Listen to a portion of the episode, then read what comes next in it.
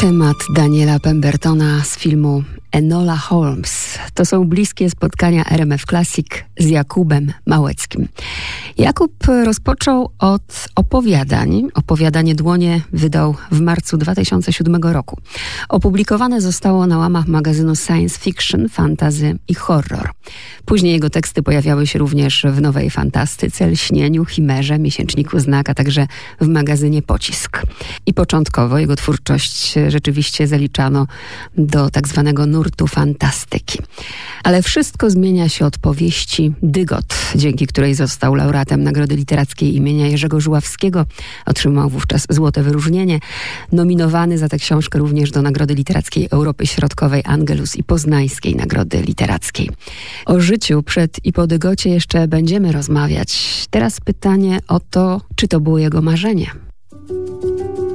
No wiesz, że byłem e, człowiekiem, który niespecjalnie w siebie e, wierzył. Jak miałem, nie wiem, 15 lat i siedziałem na ławce z kolegami, właśnie tylko dźwigaliśmy ciężary, to gdybyś mi powiedziała, że e, nie wiem, że będę miał jakąś dobrą pracę, że będę miał rodzinę i, i, nie wiem, własne mieszkanie i, i, tak dalej, to ja bym, ja bym nie uwierzył. Ja, ja, się spodziewałem, że ja że będę może pracował fizycznie, że, że pewnie większość rzeczy mi się w życiu po prostu jakoś widowiskowo nie powiedzie.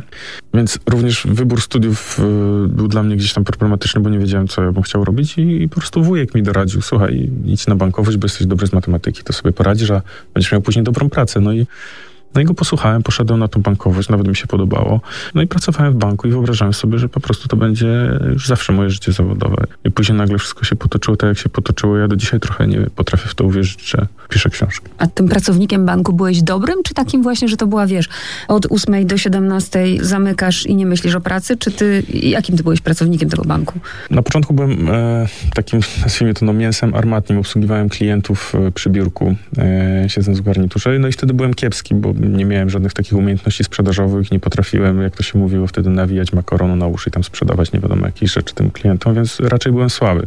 Później byłem już analitykiem, czyli siedziałem sobie gdzieś tam na jakimś 12 piętrze i tylko e, obcowałem z e, liczbami, a nie z ludźmi. To mi się dużo bardziej podobało. Wtedy wydaje mi się, że czasami miałem pewnie potencjał do tego, żeby być przyzwoitym, ale, ale wtedy już sobie pokryjomu pisałem książki i, i się na tym skupiałem, więc tą pracę traktowałem jako taką e, bazę, żeby się utrzymać i o 17 punkt wychodziłem.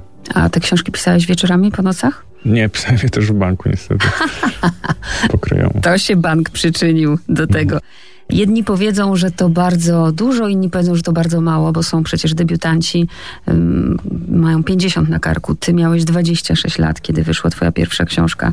Dzisiaj z perspektywy już kilkunastu i tego w ogóle, że one są tłumaczone na języki i tego, co się dzieje, ty myślisz, że to było dużo, mało? Ja się wtedy oczywiście bardzo, bardzo cieszyłem, no bo to było dla mnie coś nie, nie, nieprawdopodobnego i dalej dalej jest, ale gdybym mógł dzisiaj yy, zadecydować, to ja bym wolał zadebiutować cztery książki później. To znaczy te pierwsze, to ja się gdzieś tam na nich w ogóle uczyłem, e, ja kompletnie nie, wiedziałem, jak to się robi, może naśladowałem kogoś i coś niby chciałem opowiedzieć, ale nie, nie za bardzo wiedziałem, jak to się robi. I, e, i dlatego tych pierwszych książek w ogóle nie, nie pozwalam wznawiać, nie, nie, nie dodrukowuję i tak dalej, bo, e, bo one mi się wydają właśnie takie przedwczesne. I, i, i dopiero gdzieś tam przy powieści Joseph e, wydaje mi się, że zacząłem odnajdywać taki swój e, język. No i od, od tamtej książki tak jakby w moich myślach e, sobie wyobrażam, że, że wtedy dopiero zacząłem, zacząłem pisać.